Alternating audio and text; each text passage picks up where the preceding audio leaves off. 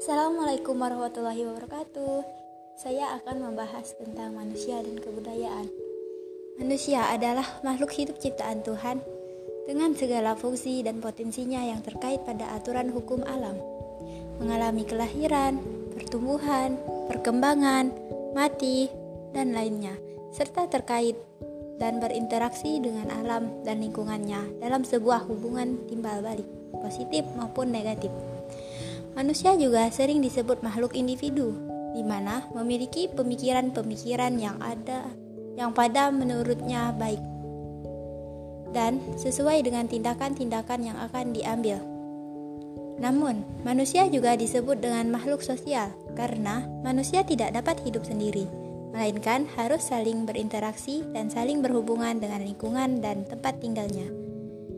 Di dalam sebuah tempat di mana manusia tinggal, biasa memiliki beberapa kebudayaan, dan setiap tempat tinggal memiliki lingkungan dan budaya yang berbeda-beda. Kebudayaan tersebut berlaku terus-menerus dan selalu diterapkan pada anak-anak mulai dari usia dini agar generasi seterusnya tidak melupakan dan meninggalkan budaya dari tempat tinggal mereka. Nah, kebudayaan adalah segala sesuatu yang dilakukan dan dihasilkan oleh manusia yang merupakan kebudayaan material bersifat jasmania yang meliputi benda-benda ciptaan manusia dan seperti misalnya kendaraan, peralatan rumah tangga, dan lain sebagainya. Dan kebudayaan non-material bersifat rohania, yaitu semua hal yang tidak dapat dilihat dan diraba.